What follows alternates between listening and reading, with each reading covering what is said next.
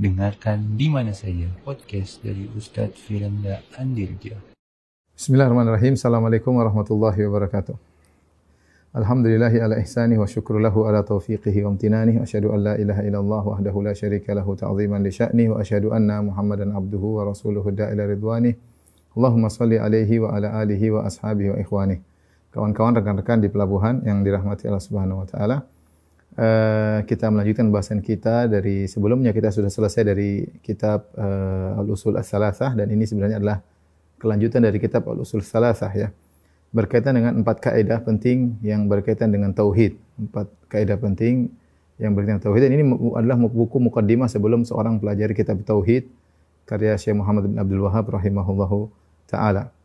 Uh, adapun adapun empat kaidah ini uh, berkaitan uh, tentang bagaimana uh, hakikat kesyirikan yang terjadi di Eh, zaman Nabi SAW yaitu di kalangan musyrikin Arab ya.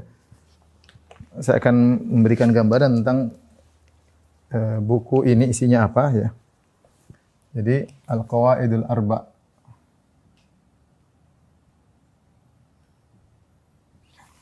itu empat kaidah dasar ya.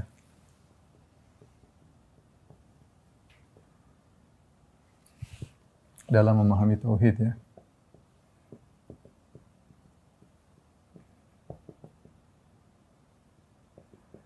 Uh, kaidah ini uh, terdiri atas dua buku ini atau uh, buku ini terdiri atas dua dua poin.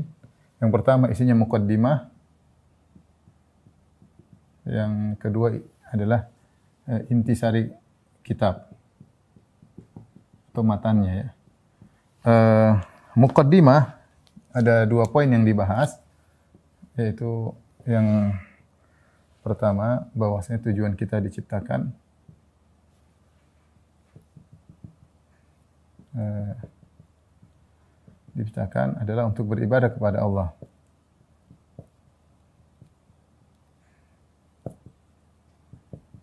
Kemudian eh, poin yang kedua tentang eh, hakikat milah Ibrahim. Ibrahim ya yang eh, kita diperintahkan untuk mengikutinya.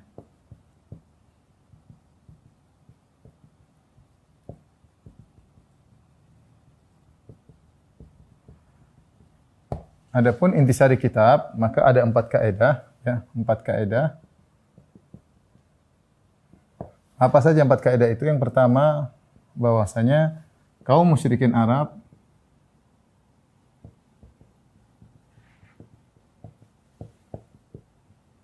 mengakui rububiyah Allah.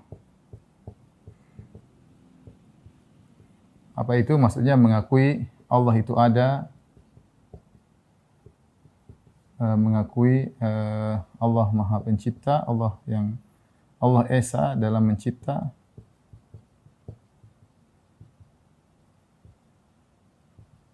Kemudian juga Allah Subhanahu wa taala uh, Allah memberi rezeki dan lain-lain.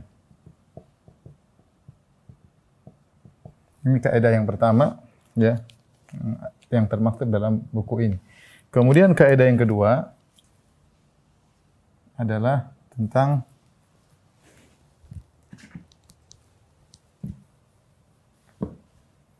yang kedua yaitu bahwasanya hakikat kesyirikan mereka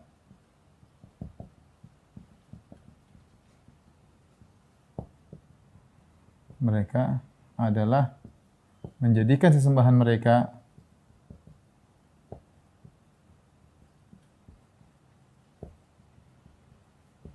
mereka sebagai uh, pemberi syafaat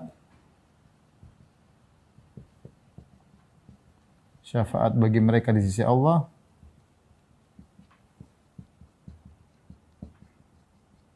Atau yang kedua uh, perantara untuk untuk mendekatkan perantara untuk mendekatkan mereka kepada Allah sebagai perantara untuk mendekatkan mereka kepada Allah. Kepada Allah. Eh, ini kaidah yang yang kedua. Kemudian kaidah yang ketiga yang dibahas dalam buku ini adalah uh, model syirik, model kesyirikan kaum musyrikin kaum musyrikin di zaman Nabi zaman Nabi banyak ya. Banyak ya.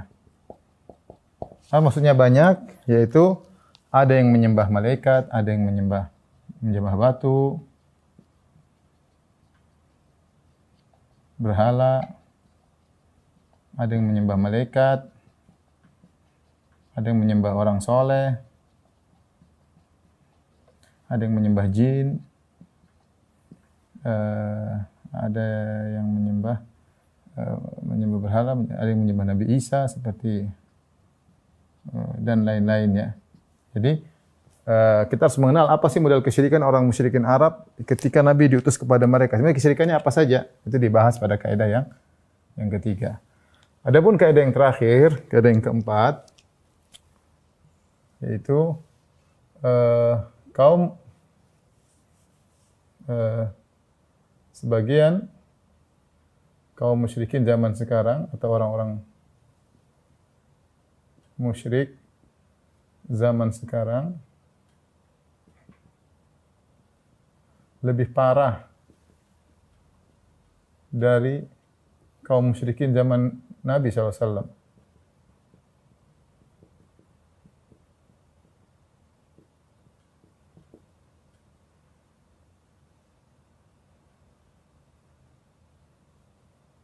dari sisi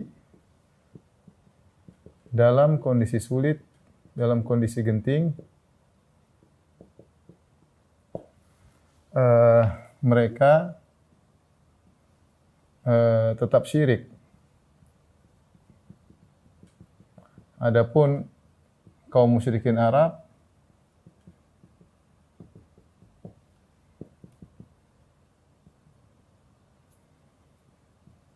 dalam kondisi genting mereka bertauhid.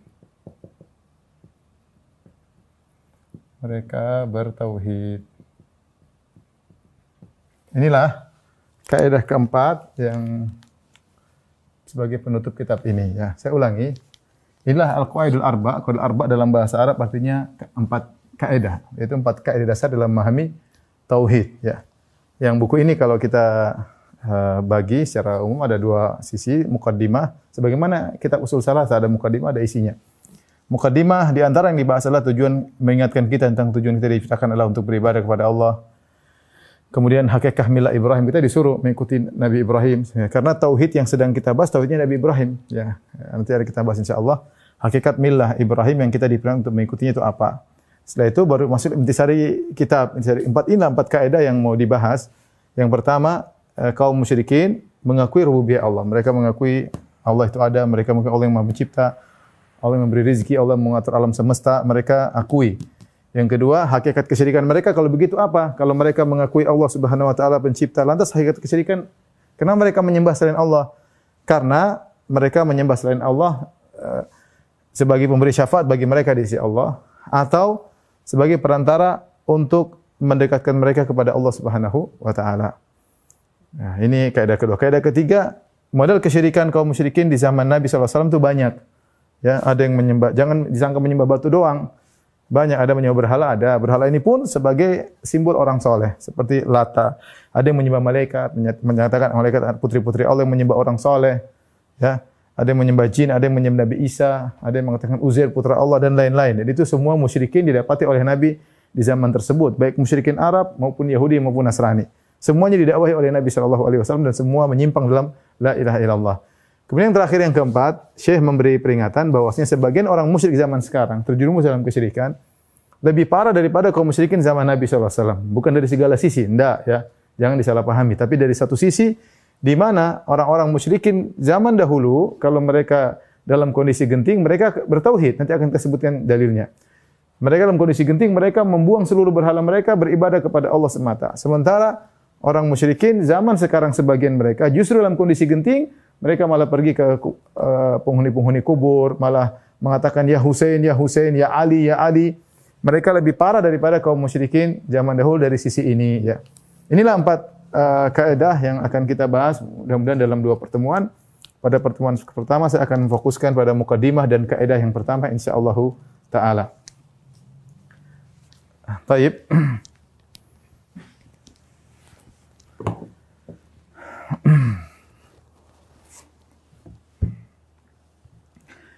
Adapun uh,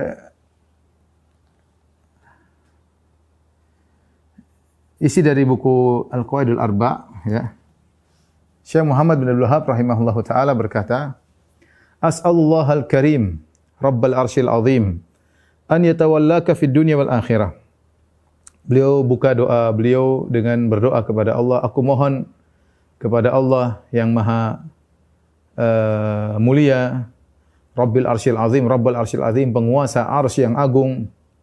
An yatawallaka fid dunya agar Allah menolongmu, mengurusimu ya. Eh, di dunia maupun di akhirat. Wa an yaj'alaka mubarakan aina ma kunta dan agar Allah menjadikan engkau berkah di mana pun engkau berada. Wa an yaj'alaka mimman idza u'tiya syakar dan agar Allah menjadikan engkau seorang hamba yang jika diberi kenikmatan bersyukur. Wa idza butuliya sabar dan jika diberi ujian bersabar. Wa idza adnaba istighfar dan jika dia berdosa maka beristighfar. Wa fa inna haula'i thalath unwanu sa'adah. Sungguh tiga perkara ini merupakan tanda kebahagiaan. Ini uh, buku indah, bukunya tipis banget ya kalau arba ini tipis banget ya. Uh, dibuka dengan doa, doa kepada pembaca ya. Agar pembaca tahu bahwasanya niat Syekh Abdul Wahab menulis buku inilah baik. Ya, agar tidak salah dalam memahami tauhid, agar tidak terjerumus dalam kesyirikan karena banyak orang yang tidak mengerti mereka terjerumus dalam kesyirikan. Sebabnya apa? Karena mereka tidak tahu hakikat kesyirikan orang-orang Arab jahiliyah dahulu.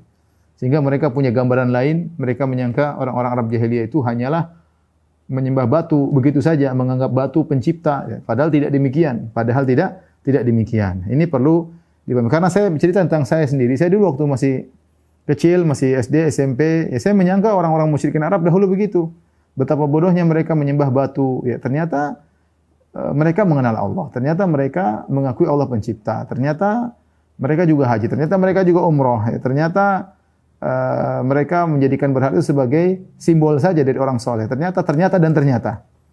Nah, ketika kita mengetahui hakikat kesyirikan orang-orang jahiliyah dahulu, kita lebih mudah menghindar dari kesyirikan. Dan kita lebih mudah untuk mentahkik, merealisasikan tauhid. Karena kita ngerti hakikat kesyirikan orang-orang uh, terdahulu. Inilah tujuan dari buku ini. Maka Syekh membuka dengan doa Syekh Muhammad Wahab rahimahullahu taala semoga Allah merahmatinya dengan rahmat yang luas ya. Uh, beliau mengatakan as'alullah al-karim aku mohon kepada Allah yang maha mulia Rabbul Arsyil Azim yang menguasai arsy yang maha agung an yatawallaka fid dunya agar Allah menolong engkau di dunia dan akhirat. Bukan cuma di dunia, di akhirat juga penting. Kemudian dia berdoa lagi, wa an yaj'alaka mubarakan aina ma kunt dan agar Allah menjadikan engkau berkah di mana pun berada. Dan ini penting karena seorang dikatakan berkah, yaitu benar-benar di mana pun dia berada, dia bermanfaat. Di mana pun dia berada, waktunya bermanfaat. Tidak ada waktu terbuang-buang.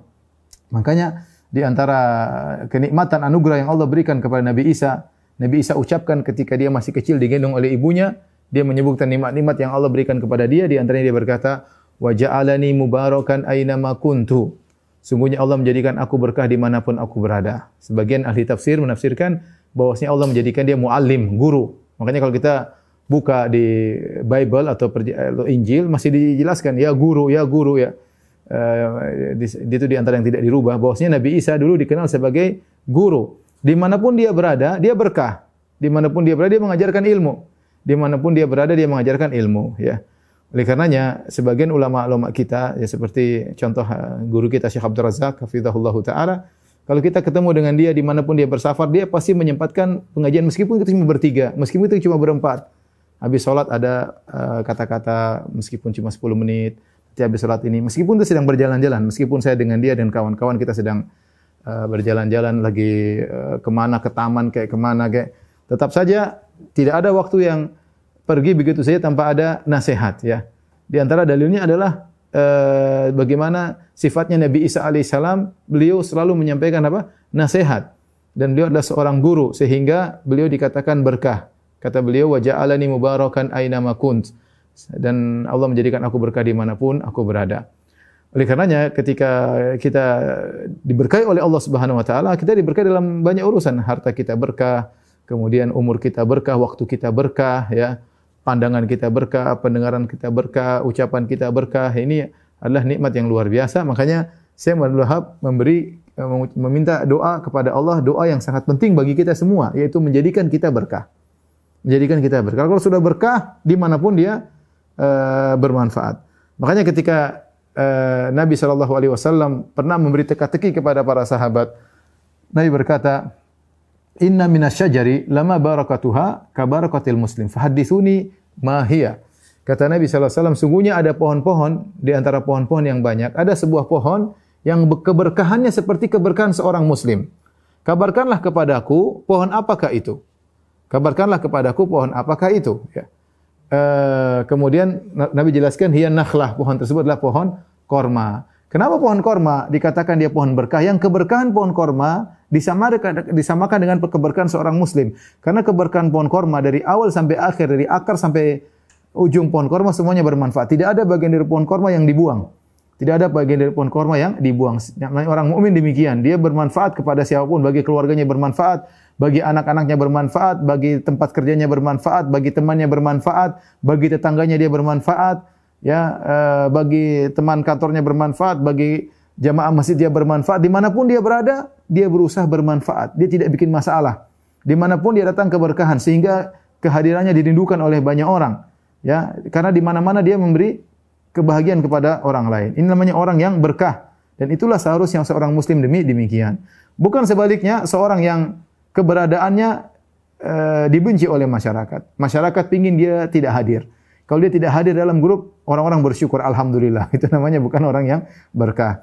Taib, ini doa uh, yang disampaikan oleh Syekh Wahab kepada kita para pembaca kita ucapkan amin ya. Kita ucapkan apa? Amin.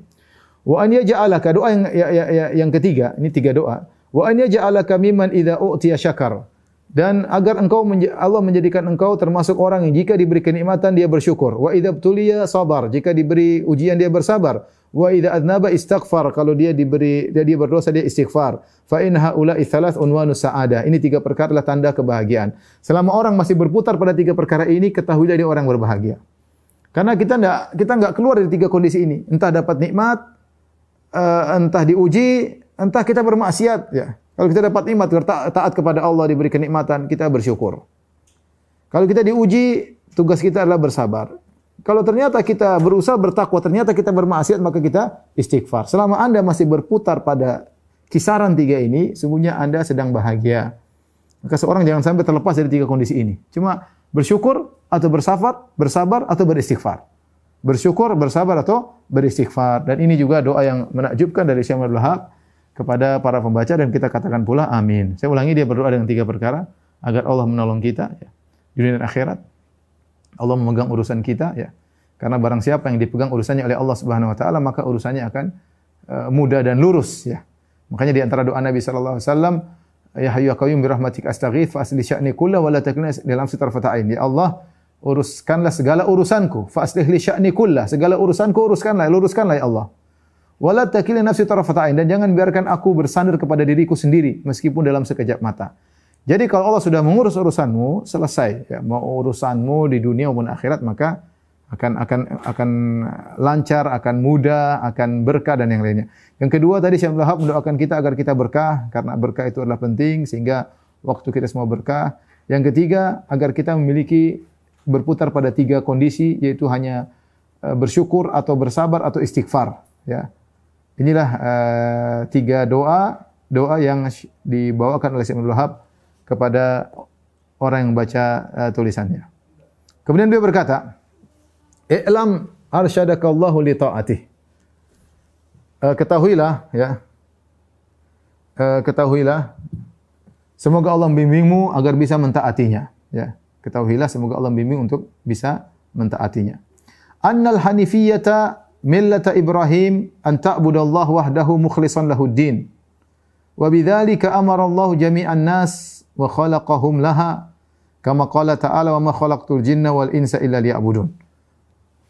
Ketahuilah bahwasanya uh, Al-Hanafiyah, Al-Hanifiyah, Hanifiyah itu millat Ibrahim adalah engkau beribadah kepada Allah semata dengan ikhlas kepadanya, mengikhlaskan agama dan itulah yang Allah perintahkan kepada seluruh manusia.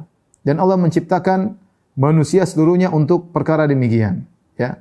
Allah berfirman, "Ma jinna wal insa illa liya'budun." Tidak aku ciptakan jin dan manusia uh, kecuali hanya untuk beribadah uh, kepada kepada Allah semata dan itulah milat Ibrahim ya. Itulah milat uh, Ibrahim ya. Di sini mukaddimah yang pertama ya. Uh, mukaddimah yang pertama yaitu saya ingin menjelaskan tentang tujuan kita diciptakan oleh Allah Subhanahu wa taala dialah milah Ibrahim. Ya, wa ma khalaqtul jinna wal insa illa liya'budun. Tidak aku ciptakan jin dan manusia kecuali untuk beribadah uh, kepadaku. Itulah hakikat milah Ibrahim. Kita disuruh untuk mengikuti agama Ibrahim. Nabi Muhammad disuruh untuk ikuti agama Ibrahim. Kata Allah Subhanahu wa taala, "Inna Ibrahim kana ummatan qanitan lillah hanifan wa lam yakun minal musyrikin syakiran li an'umih. Ijtabahu hadaw ila siratim mustaqim." wa atainahu fid dunya wal fil dunya hasanah wa innahu fil uh, kemudian thumma auhayna ilaika an tabi' millata Ibrahim hanifa wa. Allah memuji Nabi Ibrahim di akhir surat An-Nahl sungguhnya Ibrahim adalah seorang yang qanit rajin ibadah. Kemudian uh, hanifan. Hanif artinya condong. Hanif condong. Makanya orang yang uh, kakinya miring disebut hanif ya, kaki X ya, disebut hanif. Kenapa? Kakinya miring. Sehingga hanif itu sebenarnya sebagian ulama mengatakan ada khilaf memang, tapi sebagian ulama mengatakan hanif itu bukan artinya lurus. Hanif itu secara bahasa Arab artinya miring. Miring maksudnya apa? Miring menuju tauhid, jauh dari kesyirikan. Jauh dari kesyirikan. Namanya orang Hanif itu orang yang selalu condong kepada tauhid dan benar-benar menjauhkan diri kesyirikan. Itu namanya uh, Hanif. Makanya Nabi Ibrahim alaihissalam adalah orang yang sangat uh, kencang terhadap kesyirikan. Ya, uh, dia sangat uh, apa namanya takut dengan kesyirikan, bahkan menjauhkan diri karena dia Hanif. Hanif. Jadi tidak nyerempet-nyerempet kesyirikan, tapi benar-benar condong jauh daripada kesyirikan. Bukannya sekedar lurus, bahkan condong, yaitu jauh daripada kesyirikan. Ya. Makanya Allah mengatakan di, di ketika mensifati Nabi Ibrahim, kata Allah, "Tsumma auhayna ilaika an millata Ibrahim hanifa." Kemudian kami ah, wahyukan kepada engkau wahai Muhammad, an tabi' millata Ibrahim hanifa, hendaknya engkau mengikuti ajaran Ibrahim wa makana minal musyrikin dan dia bukan termasuk orang musyrikin. Kenapa disebut Ibrahim secara khusus ya? Perhatikan di sini. Uh, Ini ada mukaddimah dua perkara. Ini ini satu perkara ya, ini satu saya mohon maaf ini. Eh, ini satu perkara. Jadi perkara yang kedua adalah eh, bahwasanya eh, apa namanya? tauhid atau ibadah ada syaratnya. Ya. Tauhid atau ibadah ada syaratnya. Nanti akan disinggung ya. Syaratnya ya. Dan bisa batal dengan kesyirikan. Sebagaimana salat e, bisa batal syaratnya toharoh syaratnya toharoh dan bisa batal batal karena eh, pembatal.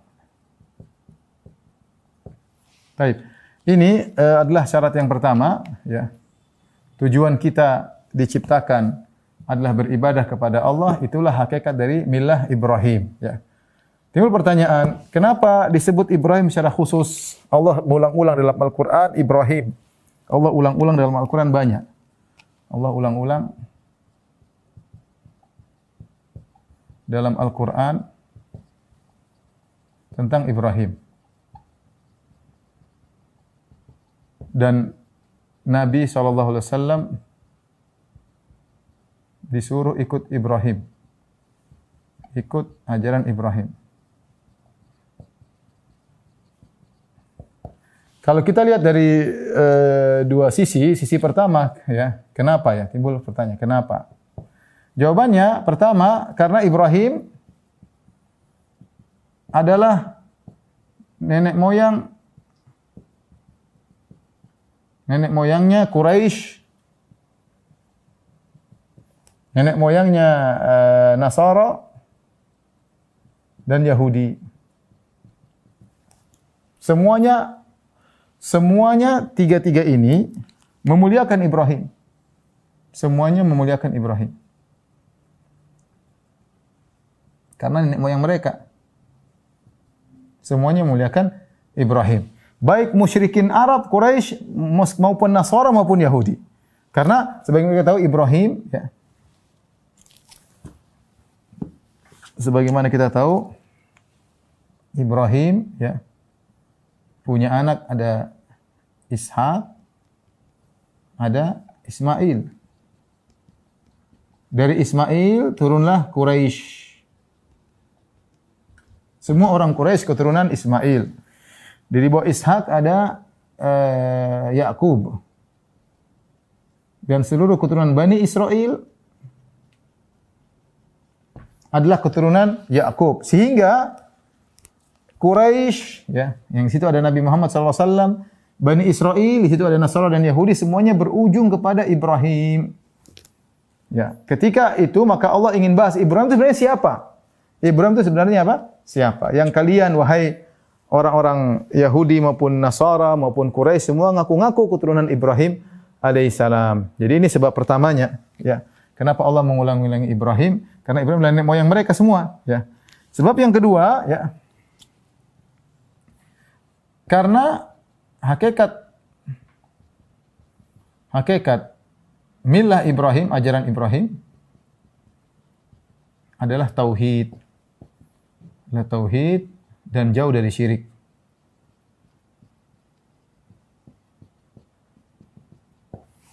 Makanya Allah mengatakan dalam Al-Qur'an pertama penegasan Allah Ibrahim. Makana Ibrahim Yahudi wala Nasraniyah ya. Makana Allah mengatakan makana Ibrahim Yahudiyan wala Nasraniyan. Nasraniyan. Walakin kana hanifa muslima kata Allah wa ma kana minal musyrikin. Lengkaplah Allah bantah mereka kata Allah bukanlah Ibrahim itu Yahudi bukan juga Nasara tapi dia seorang hanif yang muslim dan dia bukan jadi musyrikin jadi bukan Yahudi bukan Nasrani bukan Quraisy maksudnya bukan musyrik seperti kesyirikan Quraisy yang kedua Ibrahim ya eh, apa namanya menentang kesyirikan. Makanya Ibrahim menemukan dua model ya. Beliau berdakwah kepada berdakwah kepada penyembah berhala benda-benda bumi di Babil. Kemudian beliau juga berdakwah berdakwah kepada para penyembah benda-benda langit di Syam. Penyembah benda-benda langit. Penyembah benda-benda langit. Jadi sosok Ibrahim ini istimewa, ya. Sosok Ibrahim istimewa, makanya disampilkan dalam mukadimah sebelum bicara tentang hakikat kesyirikan orang musyrikin. Syekh Abdullah bikin mukadimah yang indah, mukadimah uh, dalam mukadimah dua perkara ini perkara pertama, kemudian uh, perkara kedua ya. Perkara pertama Allah jelaskan kita di, uh, beliau menjelaskan kita diciptakan untuk untuk beribadah kepada Allah dan itulah hakikat milah Ibrahim. Kenapa Ibrahim disebutkan? Allah ulang-ulang karena Ibrahim itu nenek moyang dari orang-orang didakwai oleh Nabi. Semua orang didakwai oleh Nabi uh, adalah keturunan Ibrahim. Quraisy, Yahudi, Nasrani semua keturunan Ibrahim. Nah, kakek kalian Ibrahim ini seperti apa sebenarnya? Inilah hakikatnya. Dia ternyata bukan Yahudi, bukan Nasrani, bukan musyrikin. Dia hanifan muslimah. Kemudian dia justru menentang kesyirikan yang kalian lakukan. Dia pernah menentang penyembah berhala, ya. Dan itulah di Babil ketika dia melawan ayahnya dan Raja Namrud, ya akhirnya dia dibakar, ya. Kemudian dia pun pergi ke negeri Syam, kemudian dia berdakwah kepada para penyembah matahari, rembulan dan bintang. Jadi dia menghadapi kaum musyrikin dengan dua model, para penyembah benda-benda bumi dan para penyembah benda-benda langit. Dan Ibrahim dua-duanya dia berdebat. Dalam ayat ini dia berdebat ketika dia menghancurkan patung-patung Kemudian mereka berkata, "Anta fa'alta hadza bi alihatina ya Ibrahim." Kau yang mencuri patung-patung kami, kata Ibrahim. "Bal fa'alahu kabiruhum hadza fas'aluhum in kanu yantiqun." Yang kasih hancur adalah patung-patung kecil. Kalau enggak bertanya, tanya mereka. Mereka tanya. Mereka bisa kalau mereka bisa ngomong, mereka bilang kami yang pecahkan batu. Jadi Ibrahim dialog dengan mereka agar mereka otak mereka jalan ini patung yang kalian sembah tidak bisa berbuat apa-apa. Demikian juga Nabi Ibrahim berdialog dengan para penyembah matahari, penyembah rembulan, penyembah bintang sebagaimana Allah badikan dalam surat Al-An'am Ya, falamma janna alai laila ra'a kaukaba qala hadha rabbi falamma afala qala la uhibbul afilin. Ketika malam tiba kemudian ada bintang, Ibrahim berkata, "Ini Tuhanku kah?" Ternyata hilang, aku tidak bisa sembah Tuhan seperti ini yang hilang. Falamma ra'al qamara bazighatan qala hadha rabbi. Falamma afala qala la ilam yahi rabbi la akunanna minal qawmidh dhalin. Ketika muncul rembulan Ibrahim mengatakan, "Ini Tuhanku kah?" Ini Tuhan. Hilang. Kata, kalau tidak beri petunjuk kepada aku, aku akan tidak tidak akan menyembah Ah, aku akan terjumus dalam kesyirikan. Falamma ra'a syamsa samsa bazighatan. Qala hadza rabbi hadza akbar. Ketika dia lihat matahari, ya, matahari lebih besar. Hadza akbar. Ini Tuhanku kah? Falamma afalat, ya. Ya qaumi ini bari ummatu syirikun. Tatkala matahari tenggelam, ya kaumku aku berlepas diri pada kesyirikan yang kalian lakukan. Jadi Ibrahim ini sosok luar biasa. Dia bukan hanya mendakwakan kepada tauhid, dia menentang kesyirikan dan dia berdebat dengan mereka. Dan dia rela di bayangkan waktu dia di Babil, musuhnya satu negeri semuanya musyrikin. Bapaknya musyrik satu negeri semua tidak ada yang sama Ibrahim, dia sendirian. Makanya kemudian mereka semua sepakat tangkap dia dan ingin bakar dia, tapi Allah selamatkan. Ketika sampai di negeri Syam juga dia sendirian. Makanya ketika Ibrahim berjalan sama Sarah melewati Mesir, Ibrahim Ibrahim berkata sama Sarah, "Ya Sarah, tidak ada negeri ini yang muslim kecuali saya dengan kamu." Makanya nanti kalau kamu mereka tanya kepada kepadamu siapa aku, apa siapa kamu? Mereka tanya kepadaku siapa aku akan mengatakan anti ukhti, engkau saudariku. Maksudnya saudariku sama agama. Karena tidak ada yang Islam kecuali saya dengan kamu. Maksud saya Ibrahim, dia sendirian tapi dia cuek. Dia sendirian tapi dia cuek. Mendakwa tauhid meskipun satu kampung semuanya musyrik. Meskipun satu negeri semuanya musyrik, mungkin bapaknya semuanya musyrik. Tapi luar biasa bagaimana kokohnya Ibrahim. Itulah hakikat Ibrahim, ya yang kita sebenarnya agama kita agama Islam adalah mengikuti Ibrahim. Ini mukaddimah yang indah dari Syekh Muhammad bin Wahab rahimahullahu taala. Kemudian dalam mukaddimah tersebut beliau sampaikan juga perkara kedua. Kita bacakan sekarang. Uh, beliau berkata setelah itu, "Fa idza arafta anna Allah khalaqaka li ibadatihi." Jika engkau telah tahu bahwasanya Allah uh, menciptakan engkau untuk beribadah kepadanya, fa'lam annal ibadata la tusamma ibadatan illa ma'a tauhid maka ketahuilah bahwasanya ibadah tidak bisa dinamakan dengan ibadah kecuali uh, dengan tauhidnya. Uh, Fa'lam annal ibadah la sama ibadatan illa ma tauhid. Ketahuilah bahwasanya ibadah tidak disebut dengan ibadah kecuali dengan tauhid. Kama anna salata la tusamma salatan illa ma taharah. Salat tidak tidak namakan salat kecuali dengan bersuci. Fa idza dakhala syirku fil ibadah fasadat. Kalau kesyirikan masuk dalam ibadah maka rusaklah ibadah. Kal hadath idza dakhala fi fi tahara sebagaimana kalau hadas masuk dalam bersuci maka batalah uh, salat.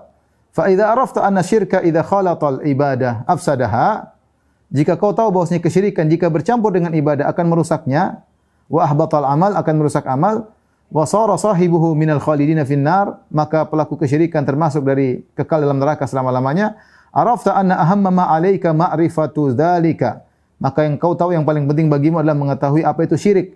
La Allah yukhallisaka min hadhihi syabakah. Semoga Allah bisa menyelamatkan engkau dari jeratan syirik tersebut. Wa hiya syirku billahi alladzi qala Allah taala fihi di syirik kepada Allah jerat yang berbahaya tersebut syirik kepada Allah yang Allah berfirman inna Allah la yaghfiru ay yushraka bi wa yaghfiru ma duna dzalika liman yasha sungguhnya Allah tidak mengampuni kesyirikan Allah mengampuni uh, dosa keselain kesyirikan Wa dzalika bi ma'rifati qawaid dzakaraha Allah taala kitabih. Terus bagaimana cara kita mengenal kesyirikan? Hakikat kesyirikan orang musyrikin Arab dengan mengenal empat kaedah yang Allah telah sebutkan dalam Al-Qur'an. Ini ini maksud dari buku ini. Jadi uh, saya ulangi, perhatikan sini. Uh, ya. Di sini Syekh Abdul Wahab mengatakan dia dia mengkiaskan jadi maksud dia itu adalah mengkiaskan Meng, bukan mengkiaskan, menganalogikan. Perhatikan sini. Menganalogikan antara uh, dan uh, ibadah ya. Ibadah dan salat. Perhatikan sini. Uh, ibadah salat. Ada syarat. Syarat ada ada pembatal. Pembatal. Uh, syarat ibadah adalah tauhid. Sebagaimana syarat salat adalah toharoh.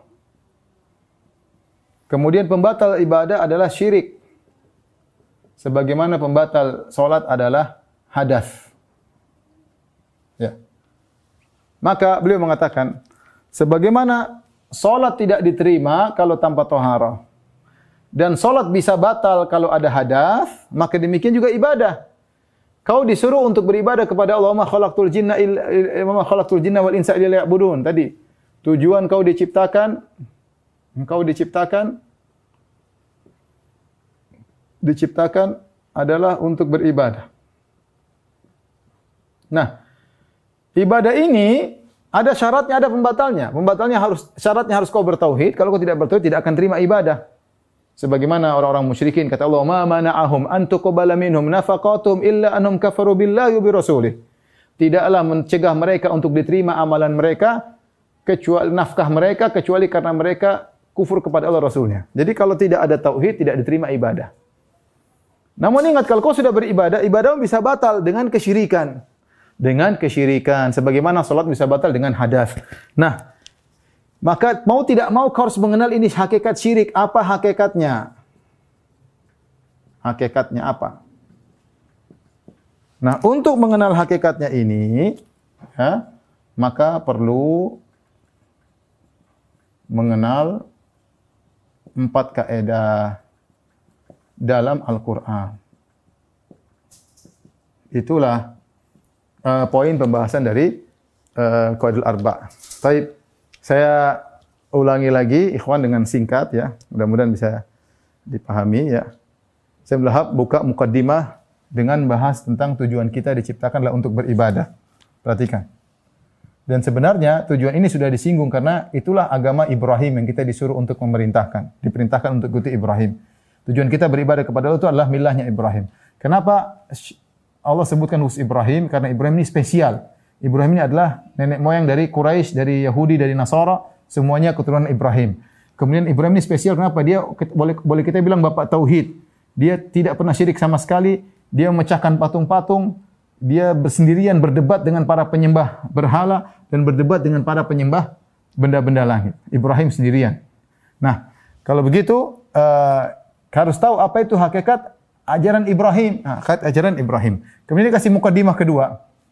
Ibadah yang kita diperintahkan itu ada syaratnya dan bisa batal dengan kesyirikan. Syaratnya tauhid, sebagaimana salat syaratnya tahara dan bisa batal dengan pembatal itu hadas.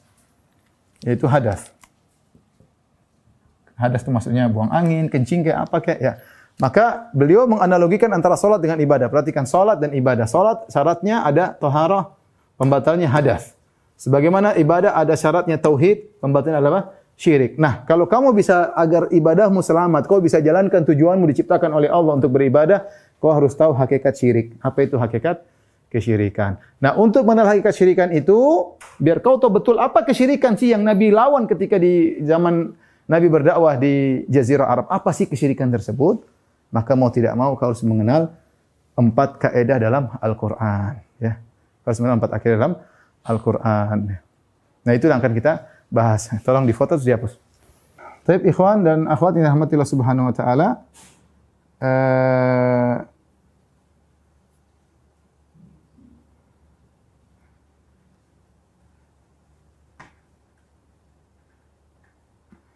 kita lanjutkan. Kemudian barulah Syekh Abdul Wahab rahimahullahu taala Eh, masuk pada kaidah yang pertama. Masuk dalam kaidah yang pertama. Ya. Al-qaidatul ula. Kita katakan insyaallah pada kesempatan kali kita akan bahas kaidah yang pertama ya. Adapun kaidah kedua, tiga, empat insyaallah pertemuan berikutnya. Insyaallah cuma dua pertemuan ya. Al-qaidatul ula. Kaidah yang pertama, an ta'lama anna al-kuffara alladhina qatalahum Rasulullah sallallahu alaihi wasallam muqirruna bi anna Allah ta'ala huwal khaliqul mudabbir. Hendaknya kau tahu bahwasanya orang-orang kafir yang ah, Rasulullah SAW perangi mereka, ternyata mereka mengakui bahwasanya Allah Subhanahu wa taala dialah pencipta. Dialah uh, pengatur alam semesta. Ya. Wa anna dzalika lam yudkhilhum fil Islam. Ternyata pengakuan mereka tersebut Allah Maha Pencipta, Allah pengatur alam semesta tidaklah memasukkan mereka dalam Islam. Wa dalil qauluhu ta'ala. Jadi perhatikan Syekh Abdul mengatakan ini kaidah semua berdasarkan Al-Qur'an. Ini bukan dari otak beliau sendiri. Tidak, ini semua berdasarkan apa? Al-Qur'an. Maka semua kaidah ini ada Al-Qur'annya. Bukan pakai logika-logikaan, enggak Al-Qur'an. Wa dalil qauluhu ta'ala adapun dalil akan hal ini bahwasanya pengakuan mereka Allah Maha Pencipta, Allah Maha Pencipta tidak membuat mereka masuk dalam Islam adalah firman Allah, "Qul may yarzuqukum minas sama'i wal ard." Katakanlah Muhammad, tanyakan kepada mereka, "May yarzuqukum minas sama'i wal ard?" Siapakah yang memberi rezeki kepada kalian dari langit dan bumi? Amman yamliku sam'a wal absar? Wa may yukhrijul hayya minal mayyit wa may yukhrijul mayyita minal hayy wa may yudabbirul amr fasayaquluna Allah. Fakul afala tattaqun.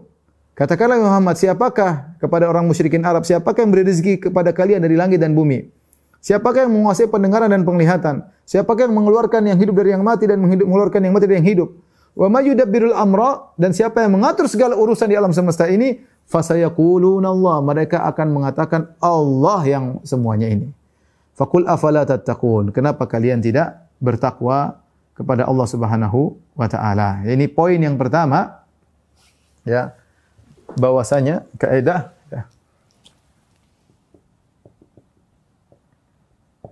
ya. Kaum musyrikin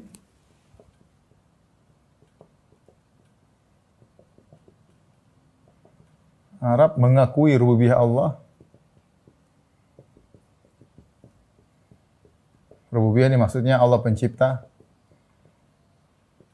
pencipta dan pengatur alam semesta.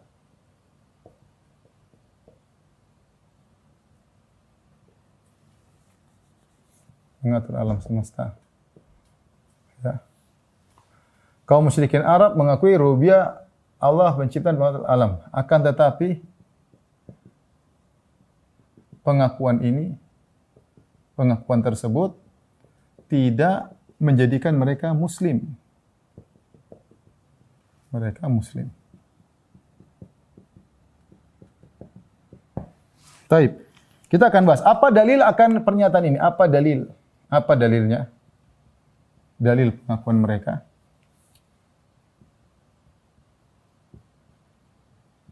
Banyak sekali dalilnya. Ya. Perhatikan. Dalil pertama, Ya. Eh, mereka mengakui Allah yang mencipta dan mengatur. Contohnya firman Allah Subhanahu wa taala yang Syekh Abdullah sebutkan, "Qul man yarzuqukum minas sama'i wal ard." amman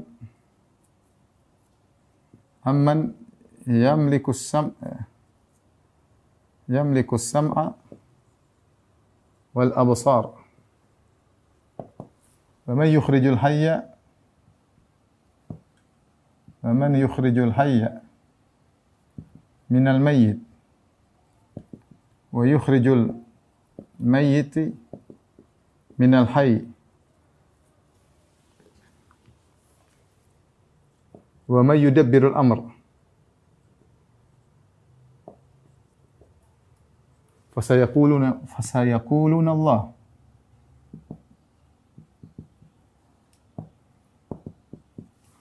Katakanlah Muhammad, siapa yang beri rezeki kepada kalian? Beri rezeki, perhatikan. Siapa yang beri rezeki?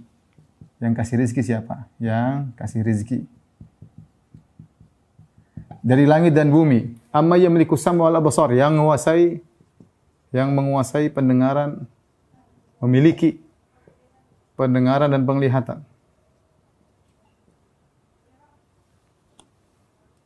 Dan penglihatan.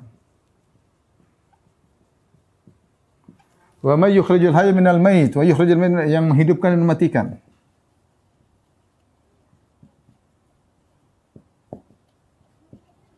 dan mematikan. Wa may yudabbirul amr, yang mengatur alam semesta, yang mengatur segala urusan. Fasayaqulun mereka mengatakan Allah. Lihat sini. Ini ayat jelas sekali. Tanya sama mereka. Siapa yang beri rezeki? Siapa yang menguasai penglihatan pendengaran? Siapa yang menghidupkan matikan? Siapa yang ngatur urusan? Jawabannya Allah. Mereka jawab siapa? Allah. Dan mereka jawabnya tidak ragu. Fasayaqul maka mereka akan mengatakan Allah. Tidak mikir-mikir dulu. Mereka bilang Allah. Terus kata mereka Allah. Mereka jawab dengan langsung dengan Allah. Dalam ayat yang lain, ya. Wala in sa'altahum Man khalaqas samawati wal ard. Saya kulun Allah. Kalau kau bertanya kepada mereka, siapa yang menciptakan langit dan bumi? Mereka mengatakan Allah. Ayat yang lain. Wala in sa'altahum. Man khalaqahum. Saya kulun Allah. Kalau kau bertanya kepada mereka, siapa yang ciptakan mereka? Mereka jawab Allah subhanahu wa ta'ala. Siapa ciptakan bumi? Mereka jawab Allah. Dalam ayat yang lain, Allah Subhanahu wa taala uh, berfirman ya dalam surat uh, Al-Mu'minun ya. Uh, sebentar ya.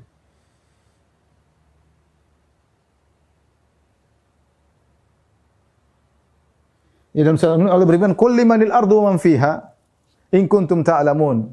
Sayaquluna lillah. Qul afala tadhakkarun? Kul man rabbus samawati sab'i wa rabbil arsyil azim. Sayaquluna lillah. Kul afala tattaqun. Kul man biyadihi malakutu samawati wal ard. Wa huwa yujiru wa la yujaru alaihi in kuntum ta'lamun. Sayaquluna lillah. Ya. Katakanlah dalam surat Al-Mu'minun, ya, uh, siapakah penguasa langit dan bumi? Mereka mengatakan Allah, ya. Siapakah yang mengatur segala urusan? Kata mereka Allah, ya. Semua kalau ditanya uh, siapakah yang uh, yang penguasa langit dan penguasa arsy yang agung kata mereka Allah. Dan penguasa segala urusan di alam semesta wa yujiru wa la yujaru alaih. Dia bisa melindungi dan tidak ada yang bisa berlindung darinya. Mereka jawab Allah. Jadi ayat seperti ini banyak.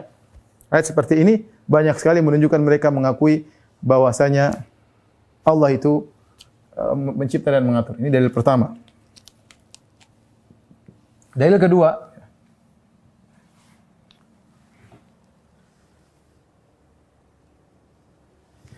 Dalam kondisi genting, mereka berdoa kepada Allah.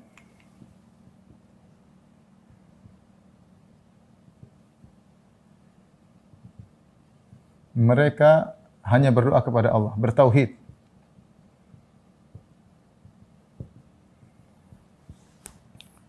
Allah berfirman di antaranya, "Wa idza raqibu fil fulki da'allaha mukhlishina lahuddin." Falamma najjahum ilal barri idahum yusyrikun. Kata Allah jika mereka berlabuh di lautan di atas perahu di atas kapal tahu-tahu kemudian ombak sangat besar ya. Ombak sangat besar maka mereka da'allaha mukhlishina lahuddin mereka ikhlas kepada Allah Subhanahu wa taala. Semua berhala mereka sembah. Jadi mereka ikhlas.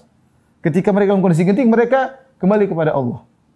Lihatlah ketika Abraha ingin menyerang ingin menyerang Ka'bah. Ke mana? Mereka segera ke Ka'bah berdoa, kemudian mereka tinggalkan. Mereka tidak pergi ke berhala-berhala. Mereka mereka serahkan kepada Allah. Dalam kondisi genting. Maka Allah menyelamatkan mereka. Ya. Uh, demikian juga ma bikum min ni'matin fa Allah, thumma idza massakumudz dzurru fa ilaihi taj'arun. Kata Allah Subhanahu wa taala, wa ma bikum min ni'matin fa Allah, segala nikmat yang ada pada kalian dari Allah Subhanahu wa taala, thumma idza massakumudz dzurru fa ilaihi taj'arun.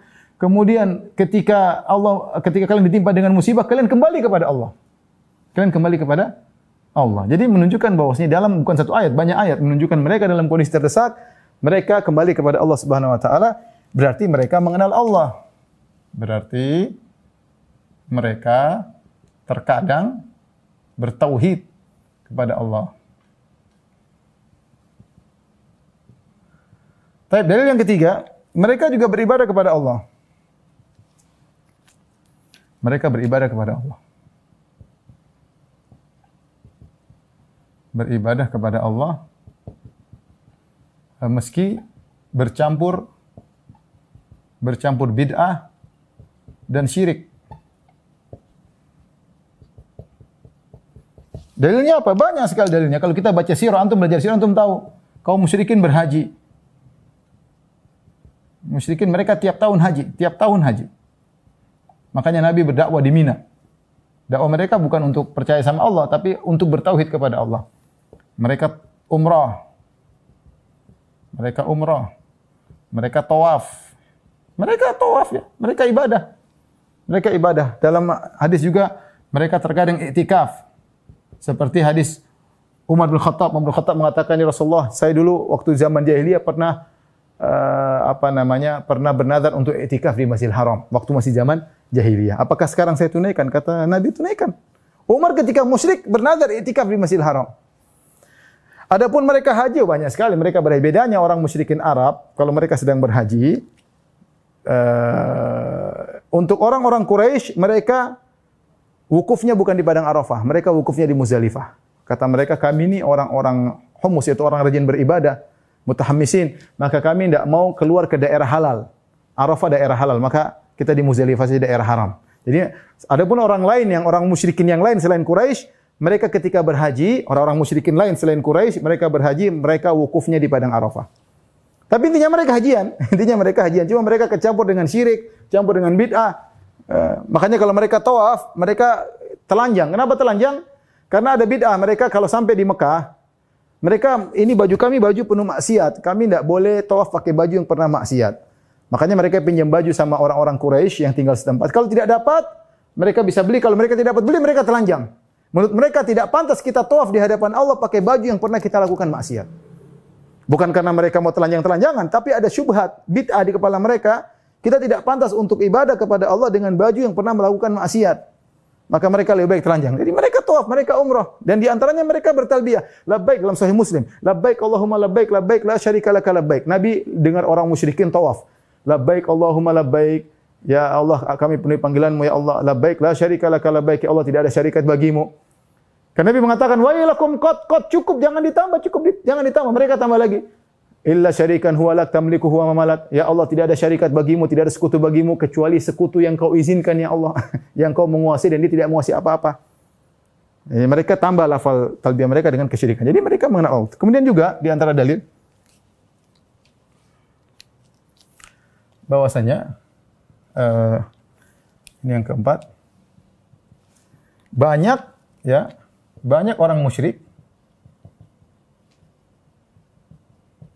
yang namanya Abdullah. Namanya Abdullah. Abdullah artinya apa? Hamba Allah.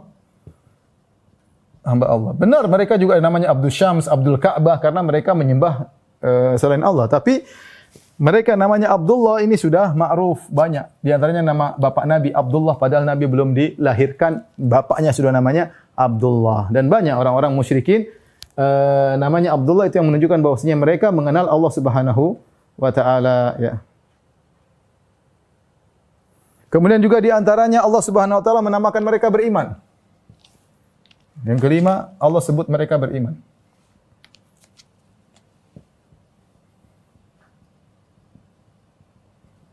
Beriman tapi beriman masih dengan rububiyah. Dalam surat Yusuf ayat 106 kata Allah Subhanahu wa taala, "Wa ma yu'minu aksaruhum billahi illa wa hum musyrikun." Tidaklah kebanyakan mereka beriman kepada Allah kecuali mereka musyrik. Perhatikan, tidaklah kebanyakan mereka ber, tidaklah mayoritas mereka beriman. Mereka beriman kecuali mereka musyrik.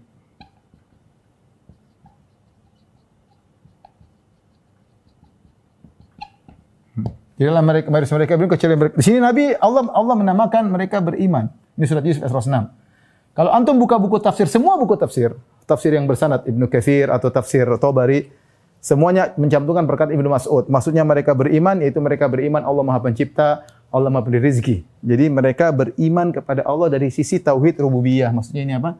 Tauhid rububiyah.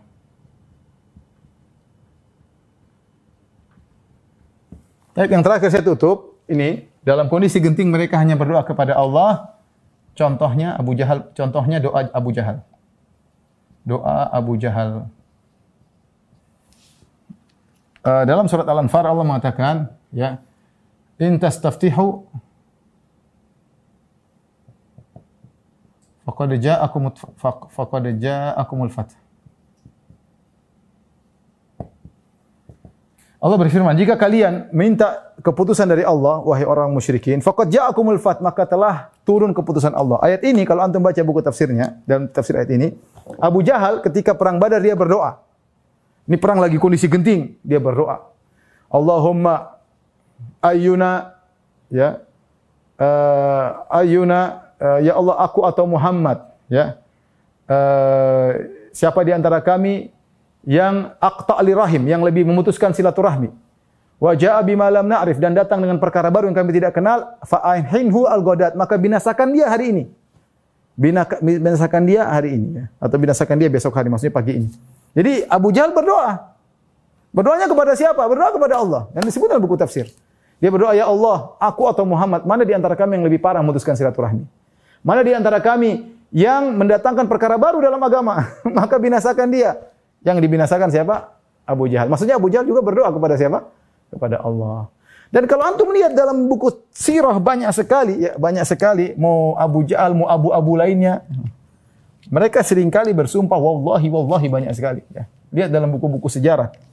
Seringkali sering kali musyrikin kaum musyrikin bersumpah wallahi sering sekali demi Allah. Sering banget. Ya, demi. Ikhwan, kenapa ini semua bisa demikian? Apa rahasianya? Kok bisa demikian? Kok mereka bisa kenal Allah? Rahasianya mudah. Rahasianya rahasianya karena mereka orang Quraisy, mereka orang Quraisy. Dan nenek moyang Quraisy nenek moyang Quraisy adalah Ismail dan Ibrahim. Keduanya lah yang bangun Ka'bah. Yang bangun Ka'bah. Ya wajar. Jadi mereka kenal Allah karena nenek moyang mereka yang bangun Ka'bah.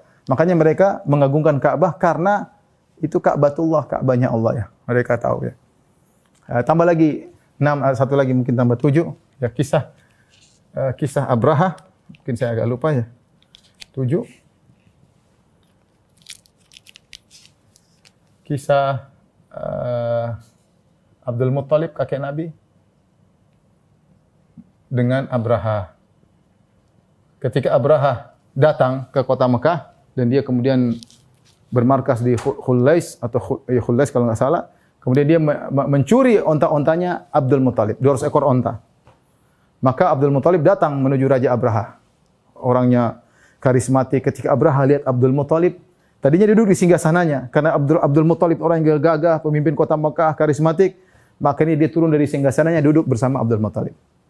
Dia bilang ada apa? Abdul Muttalib mengatakan, "Eh, Raja, kali engkau telah mengambil unta-untaku, tolong kembalikan. Maka Abdurrahman mengata, Abraham mengatakan apa? Saya tadi waktu lihat kau pertama, saya pikir kau datang ini untuk membela agamamu, membela Ka'bahmu, membela kebanggaan eh, sukumu. Kalian semua membanggakan Ka'bah. Ternyata kau datang ke sini ngurusin ontamu. Apa jawaban Abdul Muttalib? Ana Rabbul Ibil, aku pemimpin, pemilik onta-onta. Kembaliin dong.